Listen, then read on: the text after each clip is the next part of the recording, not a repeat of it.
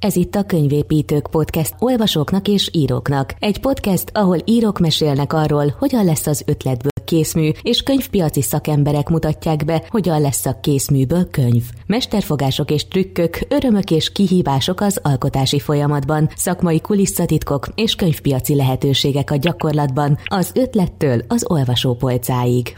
A Könyvépítők Podcast vendégeivel Fehér Gábor műsorvezető beszélget. Szeretettel köszöntöm a Könyvépítők Podcast hallgatóit. A mai napon számtalan író álmát fogjuk körbejárni. Egy álmot, mely elérhető, de sok-sok munkát kell beletenni. Az álom az, hogy egy ismert kiadó kiadja, értékesíti, gondozza egy író könyvét. Vendégünk Gönci Péter, az Álomgyár kiadó vezetője és tulajdonosa, aki számos szerzői álmát váltotta már valóra. Péterrel leginkább arról beszélgetünk, hogy mit tegyen egy kezdő vagy középhaladó író, azért, hogy könyve eljusson a könyvesboltok, sőt, leginkább az olvasók polcára. Ezek mellett szóba kerül majd a könyvpiac általános helyzete, és természetesen beszélünk majd a november 27-i kiadom a könyvemet konferenciáról is. Szervusz Péter! Szervusztok, én is üdvözlöm a hallgatókat! Beszéljünk először az álomgyárról nyilván, hiszen nagyon komoly fejlődési utat jártatok be az elmúlt években, egy sokak által nehéznek mondott piaci környezetben. Hol kezdődött az álomgyár álma vagy ébredése? Mik voltak itt tényleg a legelső lépések? Azt kell tudni, hogy mielőtt mi az álomgyárba belevágtunk, nekem egy másik könyvkiadónál volt már egy egyéves tapasztalatom, és onnan az ember eljön egy munkahelyről, én is eljöttem, és Nagypár Viktor barátommal kicsit, hát nem olyan szomjas állapotunkban pénzfeldobással döntöttük el, hogy könyvkiadással fogunk foglalkozni. Kettő domény volt akkor a tulajdonomban, az egyik az államgyár.com, a másik a figyelem.com, és úgy döntöttük, hogy ha az egyik nyer, akkor az államgyára könyvkiadásba vágunk, hogyha a másik nyer, akkor a figyelemmel e, reklámcéget fogunk csinálni, és a sors úgy hozta, hogy, hogy a könyvkiadásra esett a, a választás, hogy a 400 nevű szórakozó helyen eldöntöttük, hogy mi könyvkiadásra e, adjuk a fejünket.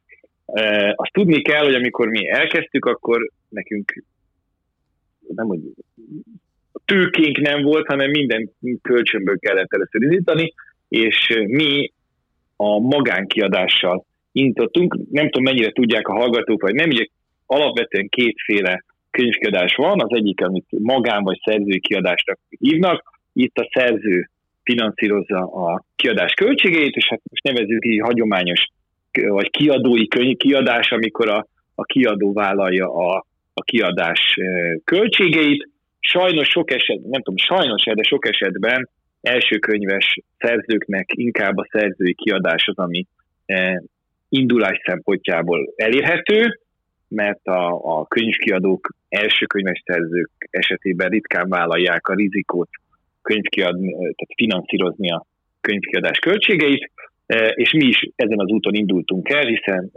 tőke hiányában az egyetlen lehetőségünk az volt, hogy találjunk olyan szerzőket, akiknek E, viszonylag jobb könyveik vannak, és megvan a lehetőségük arra, hogy a kiadás költségeit e, finanszírozzák, és ugye az első évünkben, 2012-ben öt könyvet tudtunk kiadni, és tulajdonképpen ez, ez kellett ahhoz, hogy egyáltalán elinduljunk a, a könyvpiacon. Uh-huh, tehát 2012-ben öt könyv kvázi egy ilyen, ilyen szerzői kiadásban, és aztán pedig most hol tartotok? Most 2021-ben? Idén, 2021-ben az idei tervünk a 135 könyv, ebből a 135 könyvből talán 130 az a kiadó saját finanszírozású könyve, és most nem akar, én úgy tudom, hogy 5 körül van azok a, annak a könyvnek a száma, ami továbbra is ebben a szerzői finanszírozásos formában jelenik meg.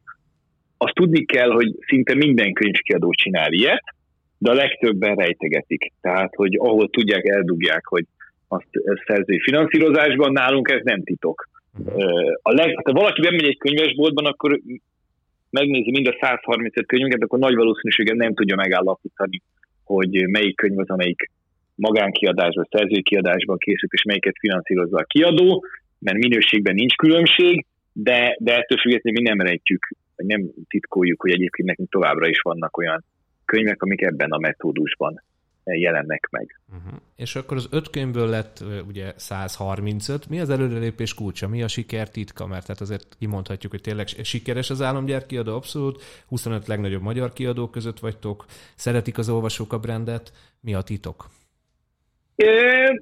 Konkrétan egy dolgot nem tudnék kiemelni, ami, ami titok. Nyilván mi nagyon sokat, egyik részről mindig figyeltünk a fejlődéset. Az első évünkben volt öt, már második évünkben 10. Tehát ez most így plusz 5 az úgy nem hangzik soknak, de megdupláztuk. Uh-huh. Harmadik évben meg már 15.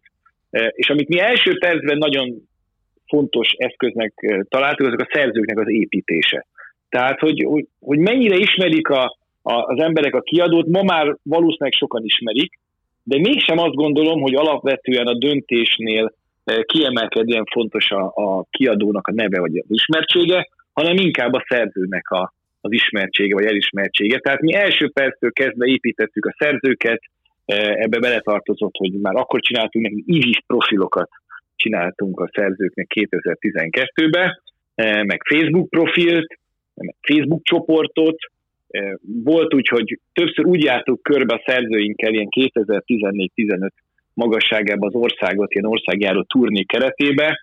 A körülményekről nem ismerted, a Viktornak a 17 éves Mercedes-ével mentünk, amiben nem, nem az, hogy nem volt fűtés, vagy nem volt fűtés és megfagytunk, vagy csak maximum ment a fűtés, és akkor megsültünk. Tehát, hogy, és így jártuk körbe a, a, az országot. Az egyik helyen, a, az, az első turnén a három szerzőnk, Erkelényi Angelika, Borsa Brown és Enel Green tartott velünk, hogy az egyik helyen öten voltak, a másikon heten, de úgy voltunk velük, hogy azért azért a hét emberért, meg azért az öt emberért is érdemes elmenni, mert az a hét majd el fogja mondani másik 12-nek, hogy itt voltak, meg megmutatja a dedikált könyvét, meg föl tudjuk tenni a fényképeket, tehát pontosan tudtuk, hogy anyagi értelemben nem éri meg ez, a, ez az országjáró turné, de azért, hogy a szerzőinket építsük, abból a szempontból abszolút elengedhetetlen.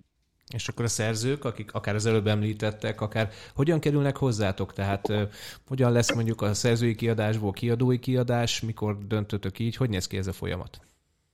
Hát a, a, a, ebből a három szerzőből kettő szerzői kiadással kezdődött, kezdett nálunk, és amikor láttuk, hogy valakinek mind az írás készsége, mind a, hogy is mondjam, a marketing képessége kiemelkedő, vagy, vagy jó, azokat, azoknak kvázi felajánlottuk a lehetőséget, hogy, hogy térjünk át a kiadói eh, finanszírozású eh, könyvkiadásra, és akkor azokból a szerzőkből, akikből látszódott, hogy, hogy még több lehet, azok, azokkal elindultunk eh, kiadói finanszírozású módon, illetve van egy, aki, aki, amikor először beszéltünk, akkor olyan témájú könyvet írt, ő Erkelényi Angelika, ami a pánikbetegséggel kapcsolatos, ami nekem is személyes érintettségem volt, mint szintén pánikbeteg, és akkor valamiért érthetetlen módon rá tudtam beszélni a Viktort, hogy próbáljuk meg a, a kiadást, és kiderült, hogy, hogy, hogy működik, és, és az, Angelika volt az első olyan szerző, aki előtte nem volt nálunk magánkiadásban, és úgy lett a szerzőnk. És azóta is azok van több olyan szerzőnk, aki kiadói, tehát szerzői kiadásban kezdte, és aztán áttértünk vele saját kiadása, de van most már azóta több olyan, aki vagy más kiadótól jött, tehát viszonylag sok ilyen van, vagy, vagy valamiért azt gondoltuk, hogy érdemes első könyvesként is megpróbálkozni vele, és kiadni a könyvét. Mhm. Kik most a húzó neveitek, kik a sztáríróitok, ha lehet hát, ilyen, ilyet mondani? Hát azért nehéz, mert most mondok nyolc nevet, tudja, hogy ki fogok, és akkor biztos, hogy a Facebook Messengeren már ott lesz az üzenet a, a telefonomban, hogy ők ezt, ezt miért hagytam ki. Ma arra nem is beszél, hogy az olvasók is írni fogják, hogy és őt miért nem mondak. Jó, e, nyilván akik ismerik az államgyárat, azok tudják, hogy, hogy, hogy kik azok, akik kiemelkedően erős szerzőink. Egyébként a magyarok mellett most már külföldiből is, eh, hála Isten, van 7-8 olyan külföldi szerző, akit, akit nekünk sikerült itthon megismertetni, és nagyon szeretik. Van olyan szerző, aki most már nemzetközileg nagyon erős, nagyon sok országban megveszik, de mi voltunk az elsők, akik őt Amerikán kívül e, megpróbálták. Egyébként ennek meg is van, a, tehát hogy ezért máig nagyon hálása a szerző, hiszen neki az fontos lépés volt, hogy elinduljon más országokba, hogy elmondhassa, hogy már egy kelet-európai vagy közép-kelet-európai ország is megvásárolta az ő jogdíja, jogát, uh-huh. szerzői, tehát a kiadásnak a jogát. Értem, értem, értem. Ez nagyon izgalmas téma lehet, hogy ez, ez az olvasó szerkesztő érezze erre rá ilyen zseni módon, vagy hogyan működik ez, hogy akkor a külföldi kéziratokat, el, ez az amerikai szerző elküldte nektek a, a kéziratát, a szinopszisát? És, Nem, ez egy Megán Márcsról van szó egyébként. Nem, itt őt mi találjuk? Most már talán az internet fejlődésének köszönhetően egyel könnyebb dolga van a, a kiadóknak szerzőket találni. Például érdekes, hogy ugye két éve a koronavírus miatt nincsenek nemzetközi vásárok, és nem átla a könyvpiac. Tehát nekem például ez egy teljesen mellékszál, egyáltalán nem vagyok benne biztos, hogy ezek a nagy könyves vásárok, amik két évvel ezelőttig nélkülözhetetlennek tűntek, ezek ilyen formában vissza fognak térni, mert, mert most már egy kiadó úgy tud könyveket választani, hogy, hogy az internet segítségével. Nagyon érdekes, hogy voltunk ilyen könyvásáron a Viktorral, és akkor leültünk egy ügynökkel, és az ügynök elkezdte mondani a dicsérni az adott könyvet. Én úgy néz ki, hogy leülünk, és akkor az ügynöknek van 8-10-15-20 olyan könyve, ami a portékája, amit szeretne eladni és akkor mondja, mindegyik könyvből úgy áradozott, mint hogy az új Harry Potter, vagy az új lányavonaton lenne, de közben az asztal alatt nekem a telefonom ott volt a kezembe, és a Goodreads-en például az a legnagyobb ilyen nemzetközi, olyan, mint talán a MOY, csak nemzetközileg is, uh-huh. nyilván ennek köszönhető sokkal nagyobb. A Goodreads-en én közben láttam, hogy az öt csillagból 3,2-n áll, és az olvasók nagy része lehúzza. Tehát, hogy ma már, ma már nem feltétlenül működik az, hogy az ügynökök bármit így el tudnak adni, hiszen, hiszen az ember az interneten utána tud nézni a, a könyveknek is. Ezen kívül annyi nagy sikerlista elérhető szintén online, hogy az ember ezeknek, ezekből e, is próbál válogatni, és innen jött is ez a szerző, valahol elért valami sikert, és, és akkor bekértük a kéziratát, szerkesztők azt mondták, hogy rendben van, a, elolvastuk a Goodreads-en, vagy bárhol máshol a véleményeket, azok is alapvetően jók voltak, és akkor úgy voltunk vele, hogy hogy próbálkozzunk meg, elkezdtük építeni, és, és aztán kiderült, hogy, hogy szeretik a hazai olvasók. És akkor a hazai olvasókhoz visszatérve és a hazai szerzőkhöz visszatérve, ugye említetted azt, hogy, hogy azokkal a szerzőkkel mentetek át kiadói kiadásba, akiknek jó írói tehetségük volt, és a marketinghez is volt érzékük. Tehát ez kell ahhoz? Tehát mi kell ahhoz, hogy elinduljak akkor tényleg egy akár elsőkönyves íróként? Mi az az út, ami oda vezet, hogy majd, majd egy álomgyár kiadja a könyvemet? Hát én, én mindig azt szoktam mondani, hogy ahhoz, hogy egy szerző sikeres legyen, az 50%-ban elég csak az, hogy az írói készsége az jó legyen, 50%-ban az a fontos, hogy magát és a könyvét, nem tudok jót szót mondani, erre el tudja adni. Tehát, hogy, hogy bizony arra, hogy az ember építkezzen, az rengeteg-rengeteg energia kell. Válaszolni az olvasói levelekre, folyamatosan tartalmat biztosítani az internetre, eljárni író-olvasó találkozókra. Ez, ez főleg az első időkben, tehát nagyon nehéz, mert nem biztos, hogy az, a, az írónak megfelelő mennyiségű e, visszajelzés érkezik. Tehát, hogy elmegy egy író-olvasó találkozóra, és vannak hatan. Ez van olyan szerző, akinek rossz kedvét vesz, elveszi a kedvét, hiszen ott hat ember van, és akkor ő azt mondja, hogy nem jön legközelebb, és van olyan szerző, aki azt mondja, hogy ha most csak hatan jöttek el, akkor legközelebb jobban fog dolgozni, vagy jobban promózom, hogy eljöjjenek nyolcan. Na most ebből a második típusból lesznek azt, hisz, azt gondolom a, a hosszú távon e, sikeres szerzők. Mert azért olyat sok esetben lát, sokszor látunk olyat, hogy valaki egy-egy e, jó könyvet ír, de azt gondolom, hogy a könyvpiacon azok tudnak hosszú távon megmaradni, akik nagyon jó, akik jól tudják magukat építeni. És itt jön egy könyvkiadónak a, a szerepe, vagy legalábbis azt gondolom, hogy az álomgyárnak a, a szerepe, mert egy szerző akkor tudja magát jól építeni, ha mindent meg, tehát minél több dolgot megkap a, a kiadótól. Például mondom a legegyszerűbbet az, hogy neki úgy kell elmennie országjáró turnéra, hogy a kiadó mindent leszervezett, hogy melyik városokban legyen,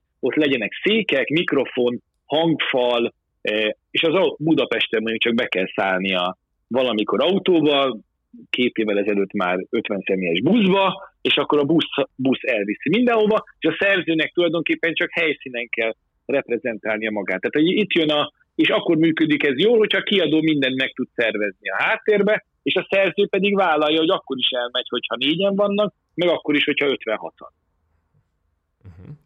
És, és nyilván a kiadó a második esetet keresi jobban. Persze, világos, világos. Tehát akkor lényegében nálatok az fontos, hogy már egy felépített író érkezzen, tehát akár, akár egy-két könyv után szerzői kiadásba, és látjátok, hogy mondjuk követői vannak, tehát akkor gondolom ez így nyilván amellett, hogy kell jól írni, tehát gondolom azért ott kezdődik. Hogy... Így van, pontosan. Tehát, hogy, hogy volt már olyan, hogy, hogy érkezett hozzánk olyan kézirat, aminek a minősége az megütötte volna azt a mércét, ami a kiadásra jó lett volna, de mondjuk a szerző eleve álnéven akart írni, nem adta volna hozzá az arcát, ő egyéb, az is lehet, hogy nem itthon él, hanem külföldön él, de ha itthon él, akkor még a, mit tudom, a férje se tudja, hogy ír, és akkor nyilván itt hiába nagyon-nagyon jó a kézirat, ha másik oldalon a kiadó vagy az állam ugye nem látja azt, hogy a szerző olyan szinten mögé tud állni, akkor, akkor ez, egy, ez egy nagyon nagy rizikó, és ezt egy nem, nem nagyon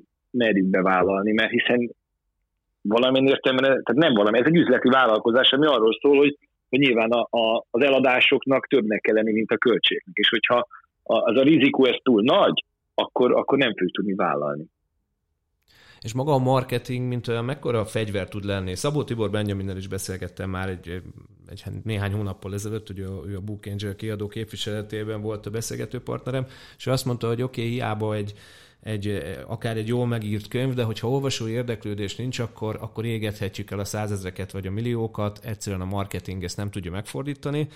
Ugyanakkor marketinges vendégem is volt éppen a múlt héten a Csatlós Csaba, aki pedig azt mondta, hogy egy jó értékesítési rendszerrel azért még akár azt mondva, hogy a, a, a nem a legjobb könyv is azért jobban eladható. Ezt, ezt hol látjátok ezt, ezt az arányt?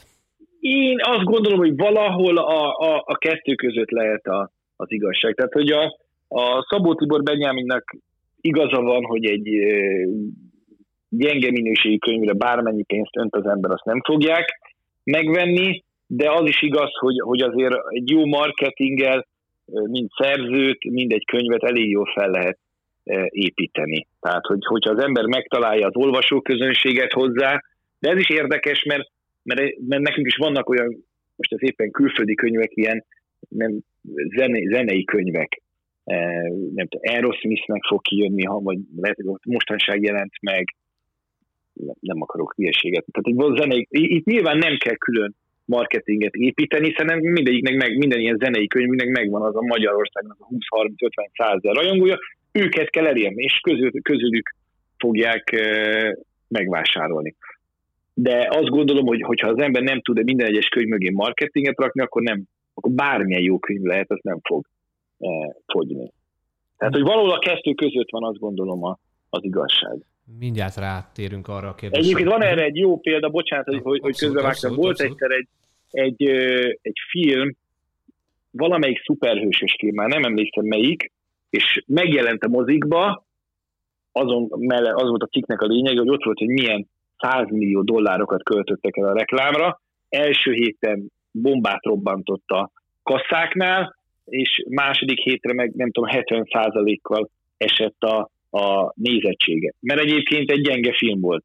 Tehát, hogy ez mutatja azt, hogy óriási marketingen mekkora csínadratát lehet csinálni, és az akkor mennyi ember meg fogja venni vagy nézni, de hogyha az nem jó, akkor a szájmarketing, ami a leges legfontosabb, a szájmarketing, az úgyis rossz hírét fogja kelteni, és akkor nem fogják írni. Tehát ezért gondolom azt, hogy valahol középen lehet a, a, a, az igazsága két úriember között. Oké, okay, ez, így, ez, így, ez így jó hangzik. Mindjárt rátérünk még a egészen praktikus tanácsokra az íróknak, de előtte még szeretnék itt megnyomni egy gombot. Ha Steve ügyet az irodalom, akkor légy a követőnk a Spotify-on, a SoundCloud-on, a Google vagy az Apple Podcast-en. Kövest a könyvépítőket! Most kérlek koncentráljunk arra, hogy tényleg egy olyan író, hiszen sok író hallgat minket, aki szeretne hozzátok bekerülni, van már egy-két megírt könyve, kiadott könyve, követői is vannak Facebookon, Instán, lehet az értékesítéseit is nyomon követni. Mit tegyen? Tehát mi, mi az első lépés? Hogyan kerülhet az álomgyárba? Először is, hát nyilván az álomgyárba is, vagy általánosságban talán a, könyvkiadásnál például az e-, első és legfontosabb maga jelentkezés.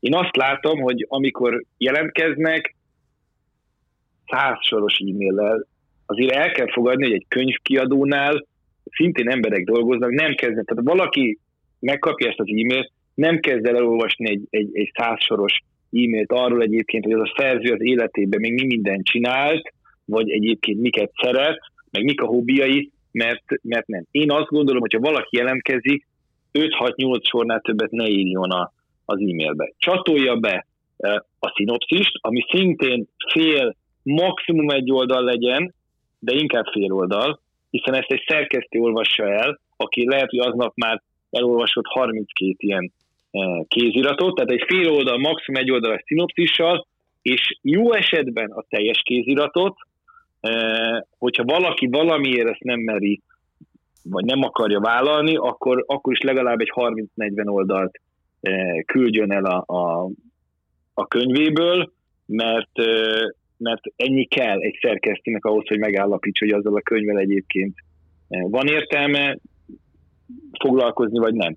Mi, mint ki, mi, én nem viccelek, mi kapunk körülbelül évente ezer kéziratot. Tehát csak e-mailen. Tehát a postai kéziratot eleve nem szoktunk érdemben foglalkozni, csak e-mailen kapunk legalább ezer. Tehát hogy nyilván egy könyvkiadónak sincs lehetősége ezer kézirattal e, érdemben foglalkozni, nyilván mi is leszűrjük. Amiről kiderül, hogy olyan kategóriájú, ami nekünk érdekes lehet, akinek a, az a néhány sorból kiderül, hogy a szerzőnek egyébként már van közössége, ezekkel tudunk foglalkozni. Ha valaki hozzánk úgy jelentkezik, hogy egyébként látszik, hogy a e-mailből, hogy elküldte másik 82 könyvkiadónak, ő nekünk az álomgyárnak egy űrszkifivel jelentkezik, aminek egyébként még nem írta meg, csak a fele van meg a fejébe, azzal nem fogunk tudni e, mit kezdeni. Tehát, hogy szerintem fontos, hogy az ember, az író, amikor jelentkezik egy kiadóhoz, nézze meg az adott kiadónak a profilját, és az alapján jelentkezzen, ami oda beleillik.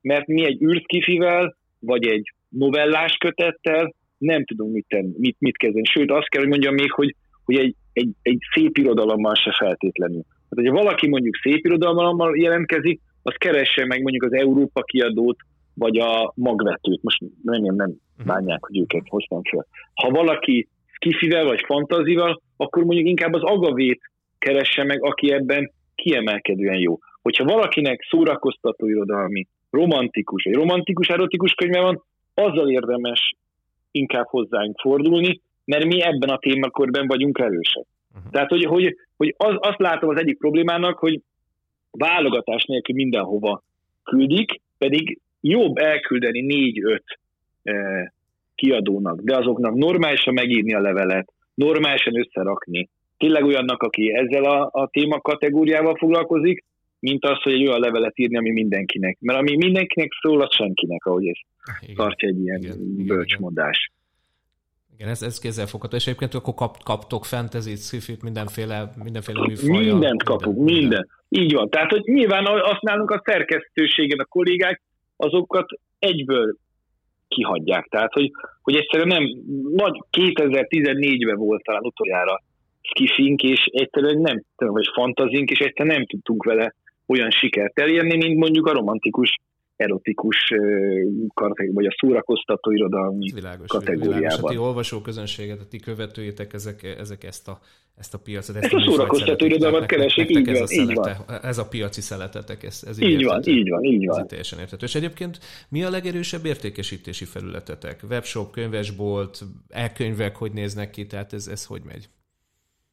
Ma még az gondolom, hogy a legerősebb az a, az a bolti értékesítés. Itt, itt saját bolt hálózatunkon túl, ami, nekünk 15 boltunk van országszerte, tehát van, amiben egyébként mi nem csak álomgyár, tehát a mi, mi könyvesboltjaink azok ugyanolyanok, mint egy Libri könyvesbolt, vagy egy Lira könyvesbolt, tehát mindent árusítunk. Tehát én azt gondolom, hogy, hogy a bolti értékesítés, amiben a legerősebb a Lira hálózat, a Libri hálózat, illetve a, nekünk még a hipermarketek, a Tesco és az Osan.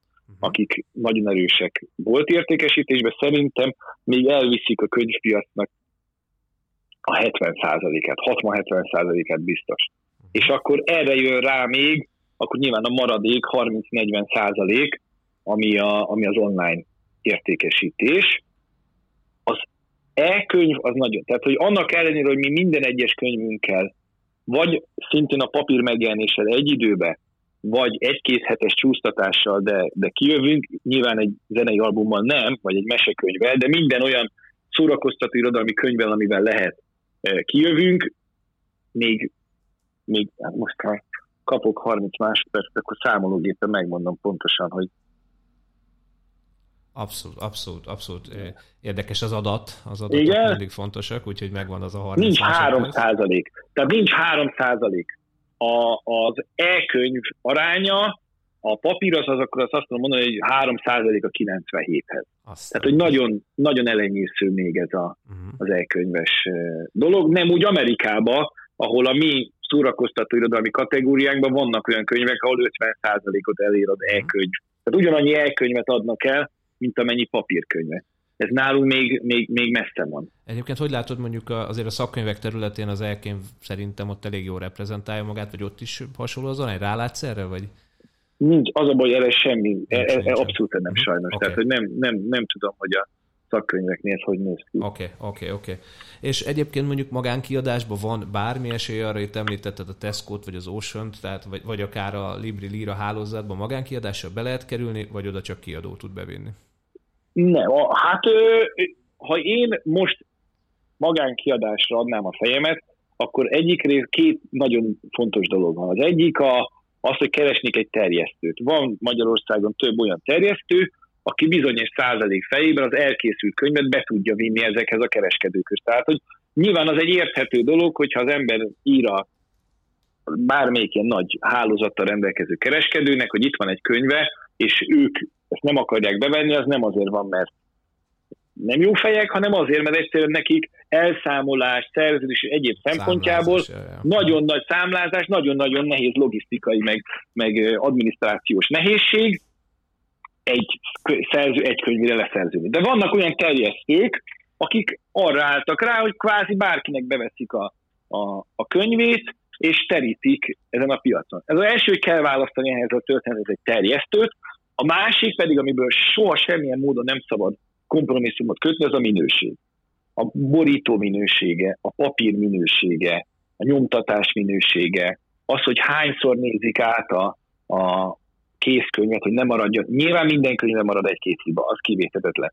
De az, hogy valaki berakja a Wordbe, kiavítja a hibákat, és akkor utána, nem tudom én, csinál egy könyvet PDF-be és odaadja nyomdára, nem. Még hogyha kell költeni, eh, fontos, hogy a minőségből szép borító legyen, ne a, az ember unokatestvére, aki már látott eh, Photoshopot, ő csinálja, hanem az ember bizony fizessen meg egy grafikust, aki egy nagyon... Mert a kereskedő a, úgy azt rakja ki a polcaira, ami az ő színvonalának megfelel. Tehát, hogy még hogyha a terjesztő be is tudja vinni ezekbe a nagy hálózatokba, hogyha a Kecskeméti könyvesbolt vezetője meglátja a borítót, eh, és azt mondja, hogy ez nem üti meg a mércét, akkor azt nem fogják kirakni. Tehát, hogy nagyon fontos, hogy, hogy a minőségből soha semmilyen módon nem szabad kompromisszumot kötni, mert, mert a másik végén az megbünteti magát azzal, hogy a kereskedők nem olyan szívesen rakják ki a, a, a könyvet. Tehát kell egy jó terjesztőpartner,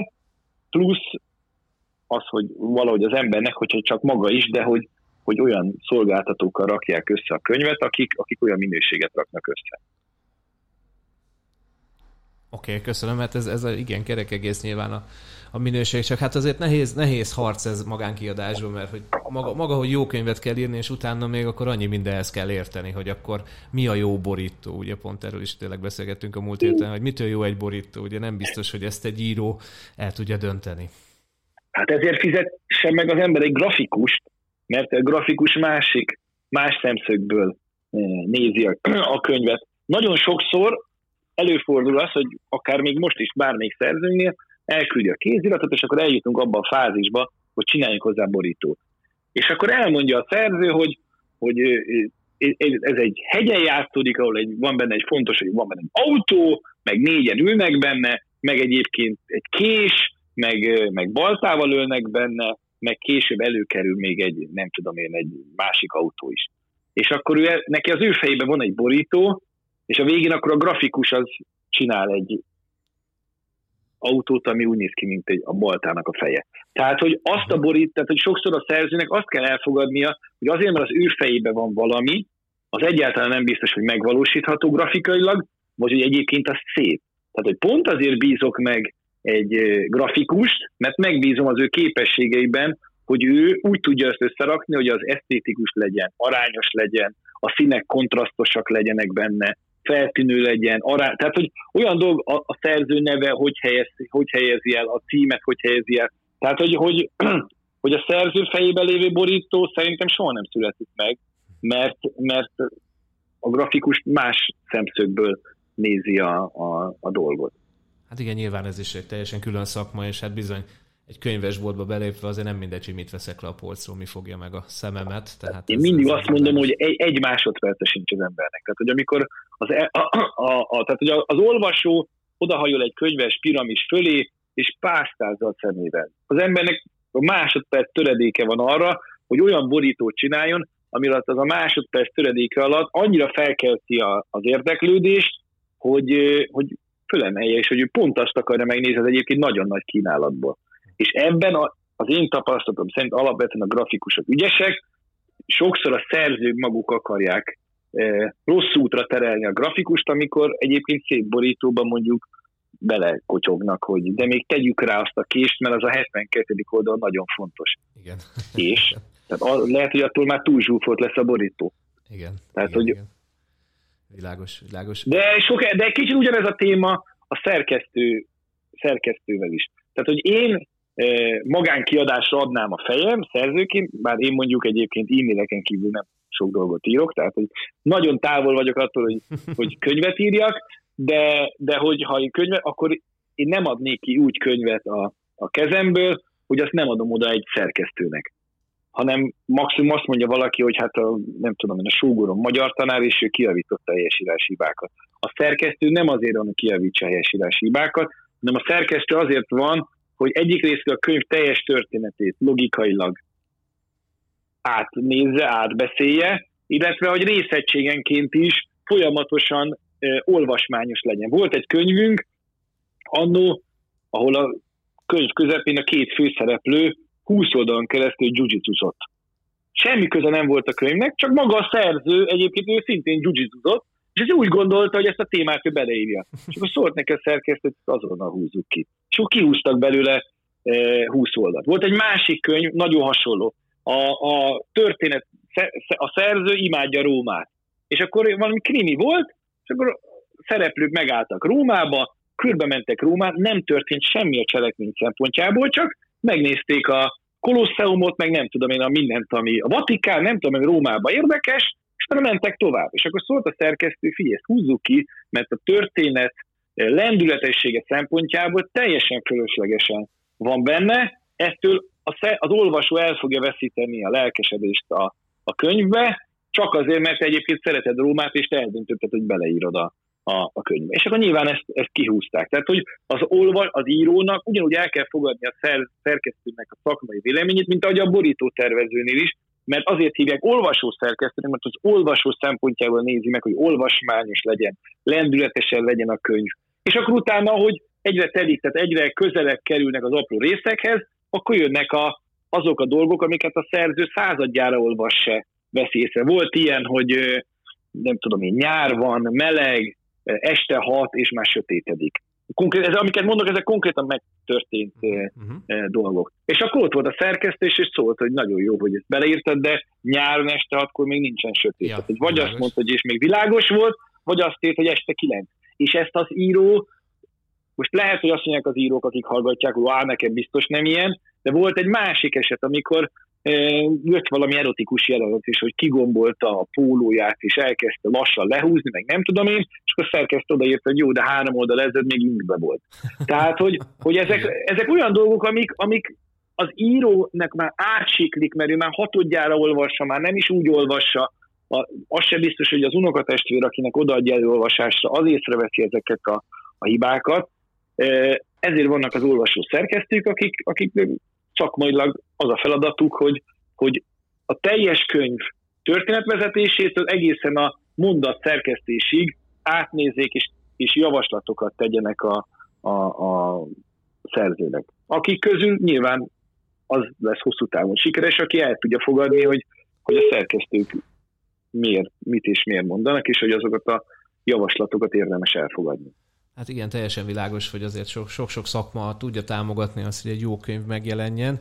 Mindjárt beszélünk a könyvpiac helyzetéről, de mindaz, aki most érdeklődve hallgatta az íróknak való tanácsokat, mindazoknak van egy jó tanácsom. Kiadnád a könyved? Segítséget szeretnél? Csatlakoznál egy több mint 3000 főt számláló írói közösséghez? Akkor keresd a Kiadom a könyvem könyvépítők csoportot és oldalt a Facebookon. Légy te is tagja a Kiadom a könyvem közösségnek. És a második tanácsom pedig, hogy tessék eljönni a Kiadom a könyvemet konferenciára, ahol az álomgyár is előadó lesz, ez november 27-én kerül megrendezésre, reményeink szerint. A könyvpiacról szeretnék beszélni. Eszem, eszembe jutott, pardon, itt most akkor egy kicsit dadogok, amit majd nem vágunk ki, hogy varázslatosan, varázslatosan meglegyen a, az egyedisége a dolognak. Tehát említetted már azt, hogy a Covid azért nyilván átrendezte a könyvpiacot, él a könyvpiac, létezik. Lehet, hogy a nagy könyvvásárok már nem olyan, nem olyan funkcióba térnek vissza. Hogy van most a, a, a piac, mit látsz itt a Covid után, vagy nem is tudom, a két hullám között, vagy miről beszéljünk, tehát mennyire változtatta meg az olvasói szokásokat a, ez a pandémiás helyzet? Én azt éreztem, hogy a könyvpiac, legalábbis a mi szegmensünkben, a szórakoztató irodalomban komoly forgalom növekedés volt a koronavírus hatására, hiszen nagyon sok szórakozási lehetőség kiesett, például a mozik, színházak, balett, opera, gyerekbábszínász, tehát hogy nagyon sokféle program kiesett az emberek életéből, nem volt lehetőség ezekre elmenni, és a, a, a tévé és az internet mellett talán a könyv maradt az egyetlen könnyen elérhető szórakozási lehetőség így a, a pandémia ideje alatt. Tehát én azt látom, hogy, hogy a mi szórakoz. Azért mondom, hogy a mi szórakoztat, mert lehet, hogy az albumok, uh-huh. vagy, vagy nem tudom, én belső építészeti szakkönyvek tekintetében nem volt forgalomnövekedés, de a, a mi szórakoztató irodalmi kategóriánkon belül komoly forgalomnövekedés volt, ami, ami én azt gondolom, hogy maradt, tehát hogy, hogy nagyon sokan visszataláltak, vagy rátalálták az olvasásra, mint szórakozás, és annyira kedvet kaptak, hogy nem, hogy annak én, hogy most, most úgy néz ki, hogy jelenleg visszaállt, vagy minél inkább visszaáll az élet a korábbi kerékvágásba, de hogy az olvasás az nem, nem csökken az olvasási kert, hanem az, hanem az megmarad. Hát ezt nagyon nagy örömmel halljuk, és mik az államgyár tervei, mik a jövőbeli történetek. Ugye amikor egyeztettük ezt az időpontot, hogy hogy legyen ez az interjú, ez a beszélgetés, akkor, akkor mondtad, hogy a szerda nem jó, mert könyvesboltot nyitok, tehát mi a, mik a mostani projektek, projekteitek, és mi a következő éveknek a tervei? Hát egyik részről folyamatosan nézzük, a, tehát ahogy, ahogy mondtad is, most, tizen, most szerdán, ami egyébként augusztus 4-e, nyitjuk a 15. könyvesboltunkat a Nyíresházán, de szeretnénk még könyv, sok könyvesboltot nyitni. Vannak nagyvárosban, de vannak olyan városok, ahol tudomásom szerint például Kazincbarcika, ahol kizárólag álomgyár könyve, vagy talán Paks is. Nem, nem akar le, ha van, akkor nem akarom megsérteni ott a helyi másik könyvesboltot, de úgy tudom, hogy több olyan város is van, ahol kizárólag államgyár könyvesbolt van, de nézzük folyamatosan a lehetőséget, és amint találunk olyan bolthelységet, ami a mi méretünknek megfelel, elhelyezkedésre jó, akkor azokat, azokat kivesszük, felújítjuk, és megnyitjuk, és csatlakozik a, az államgyár könyvesbolt hálózatához, és ezen túl pedig folyamatosan növeljük a megjelenő címszámainkat. Tavaly 113 volt, 2020-ban 113 új könyvünk jelent meg, ebben nincsenek benne az utánnyomások, csak az új könyvek, és ebből lesz idén, vagy lesz idén 135, ezt nyilván jövőre szeretnénk akár 160-170 új címre is emelni, attól függően, hogy mennyi könyvet találunk, vagy mennyi olyan címet, ami érdemes arra, hogy kiadjuk.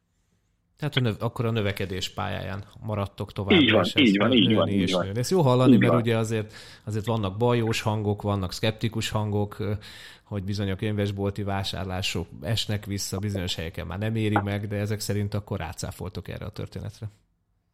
ami, amilyen irányból én látom, hogy mind a könyvesbolt hálózat szempontjából is szépen nő a forgalom, mind általánosságban könyveladás szempontjából sem látok panaszra okot. Tehát, hogy hála Istennek sokan olvasnak, és ők sok könyvet. Tehát, hogy, hogy én, nem, nem, én nem látom pessimistán a könyvpiac helyzetét. Ezt tényleg örömmel hallom. És hogy De az fontos, hogy az embernek folyamatosan kell figyelni a változásokra. Tehát, hogy már a mi így ki, nem olyan sok kilenc évünk alatt is áll, átment néhány változáson a könyvpiac. Tehát, hogyha az ember ezekhez nem alkalmazkodik, akkor, akkor most én nem akarok senkire rosszat. A Viktornak volt egy ilyen története, azért tudni kell, hogy bármilyen nagy is mondjuk az álomgyár, mi a Viktorral, ha karácsonyi szezon van, akkor ugyanúgy beállunk. És akkor a Viktor elment a kis teherautóval, hogy valamelyik könyvkiadótól átvegyen néhány doboz könyvet, és akkor meglátta ott a Viktort a könyvkiadónak a feje, nem mondom meg, hogy melyik, és akkor elkezdtek beszélgetni a Viktorral. A Viktor az üzlettársam, uh-huh. barátom, akivel együtt alapítottuk, és akkor ott a másik kiadónak a feje mindenféle, hát ott siránkozott, hogy ilyen nehéz, meg olyan nehéz, meg alig vesznek könyvet, és, és akkor mondjuk kérdezte a Viktortól, hogy nálunk mi újság, és a Viktor nem mondta, hogy tök jó, egyre több könyvünk van, hála Isten, veszek is, akkor erre visszavágotta. Jó, de nektek könyvet, olyan könyveket adtok ki. Hát és nem akarta Viktor visszakérdezni, és, és mi akadályoz meg titeket, hogy ti is olyan könyveket adjatok ki. Tehát, hogy, hogy ez azért ez jellemző egy kicsit a könyvpiacra, ez az általános siránkozás, eh, hogy hát milyen nehéz, meg hát régen, főleg az, az idősebb eh, szakmabeliektől hallja az ember, hogy hát régen milyen más volt, meg könnyebb volt, meg minden. Lehet, de most ez az időszak van, és ebben az időszakban kell az embernek megtalálni a lehetőségeket. Mhm. És pont ezt akartam kérdezni nagyon jó itt a vége felé a beszélgetésnek, jó is, hogy felhoztad, hogy hogy vagy te ebben a sztoriban benne, hogy mennek a döntések most az álomgyárnál, tehát el szoktatok-e még menni a hova, hol, hol, hol született meg az álomgyár ötlete? 400-as, mit mondtál? 400, nem tudom, hogy megvan-e az a hely. Még. Nem, nem, én nem ismerem, nem ismerem ezt a helyet. Jó, hogy tehát, igen, szó, szoktatok még így fej vagy írás alapon, alapon dönteni, vagy van még idő, vagy egyáltalán mennyire élvezhető kreatív munka, és mennyire azért egyfajta robotmunka, amit így vezetőként csinálnod kell, hogy vagy te így személyesen ebben az egész Hát egyik részről a nagy dolgokat a, a Viktorral az máig. Most már nem azt mondom, hogy ketten, mert a, mert a mind a könyvpiacon, mind más vállalkozói a környezetemben vállalkozóknál láttam, hogy az nem megoldás, hogy az ember nő, a cég nő, vagy a vállalkozás, és akkor a vezető továbbra is mindent egymaga kell eldönteni. Erre mi mindig figyeltünk, hogy amikor már közepesen voltunk, akkor is alakuljon ki egy menedzsment, és, és hogy egyre nőttünk, ez, ez folyamatosan fejlesztett, hogy már nagyon sok olyan dolog történik a kiadó életéből, amiről én is csak mondjuk a Facebookról értesülök, mert, mert egyszerűen már nincs sem lehetőség, és nem is akarok mindenbe belefolyni, meg a Viktor se, de a nagy dolgokat azokat máig a Viktorral döntjük el, plusz most már van egy kiadóvezetőnk, meg van egy kereskedelmi vezetőnk, és akkor tulajdonképpen a nagy dolgokat azokat így négyesbe e, döntjük el, és ennek köszönhetően én, meg, én magamnak továbbra is megtartottam alapvetően a szerzőkkel való kommunikációt, az új szerzők kiválasztását, a külföldi szerzők e, keresését, a Viktor pedig a, egy kiadó életében a legnagyobb költség, az mindig a nyomda. A Viktor például megtartotta magának, hogy a, a, kiad, a, a nyomdákkal ő tartja a kapcsolatot. Tehát, hogy mind a kettőnek megvannak alapvetően a, a feladataink, de amennyire akarunk, vagy tudunk, belefolyunk a, a kiadónak a napi életébe, de most már, hogy talán nem akarok hülyeséget mondani, lassan 65-en vagyunk, tehát most már nem is, tehát nem ismerek már mindenkit, aki a, a cégnél dolgozik, nem tudnám fel. Régen nagyon szerettem, hogy fel tudom sorolni, mert mindenkinek tudtam, mikor a születésnapja. Most már nem tudom megmondani, hogy, hogy eh, kinek mikor a születésnapja. Nem is ismerek mindenkit. Tehát valaki, nagyon sok olyan volt jeladó van, akivel még életemben nem is találkoztam. De hát ez benne van, hogy ahogy nő a, az egész, hogy az ember kicsit úgy eltávolodik a, a napi élettől. Persze, ez természetes nyilván egy, egy szervezet fejlődésénél ez, ez a folyamat, hogy a, a kis garázszégből, cégből meg... úgymond, igen, egy, egy egész kis családi cégből lesz egy, egy nagy hálózat. Hát igen, és sokszor tényleg az a baj, hogy egyszerűen a vezetők nem tudják elfogadni, hogy nem mindent ők tudnak legjobban, illetve hogy, hogy nem kell minden döntés. Régen, ha most nem állok el magam a nagy, régen pont ilyen voltam. Tehát, hogy mindenről miért tudni akartam, és mindenbe bele akartam kotyogni, aztán kiderült, hogy ha nem kocsogok bele a dolgokba, akkor pont ugyanúgy megtörténnek, pont ugyanolyan jól mennek, akkor meg, akkor meg ráhagyom a, a kollégákra, hogy csinálják a, a dolgot. Hát igen, a delegálás, mint olyan, ez egy nagyon jó. Én trénerkedem, úgyhogy sok, sokat tudnék mesélni erről a történetről, de most ez egy másik adás és másik témakör. Köszönöm szépen, még van egy utolsó kérdésem, amit minden vendégünknek fölteszek. Mit olvasol most? Mi az, ami az éjjeli szekrényeden pihen? Hát most, most éppen nem. Most nincsen. Megmondom neked őszintén, három gyerek mellett az utóbbi időben mesekönyvet Azt olvastam. is elfogadjuk. Mi a, mi a, mi a kedvenc Igen? mesekönyv nálatok? Van egy David Litchfield nevű szerzőnk, aki ne, a, a, a mesekönyveket ír, de most már öt e, mesekönyve jelent meg nálunk. Nagyon-nagyon gyönyörűek a rajzai, gyönyörűek a rajzok, és a mesék is nagyon aranyosak. És a Mackó és a Zongora az a sorozat, aminek e, mind a három részét szoktam olvasni a gyerekeknek, de ilyen bábos mesé. Tehát, hogy, hogy, hogy az utóbbi időben, de ő, őt nagyon szeretem ezt a, ezt a David Litchfield Szóval leg, legtöbbet, legtöbbet a Mackó és az ongol. Igen, az utóbbi időben igen, igen, mesekönyvet.